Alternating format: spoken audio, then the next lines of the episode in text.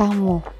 Tak kusangka menjadi tamu bisa semenyenangkan itu, seindah itu, sehingga aku ingin berkunjung lagi dan lagi. Aku menjadi sangat perhatian akan rumah itu.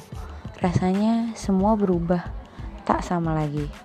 Seindah itu ku bisa hadir di sana, kagum, merasa beruntung, terpukau, terenyuh dan bersyukur. Semoga suatu hari bisa bertamu lagi bersama-sama. Selewat suara ide yang terus lewat. Ini ceritaku dari atas motor dan menghasilkan sebuah ide-ide. Terima kasih.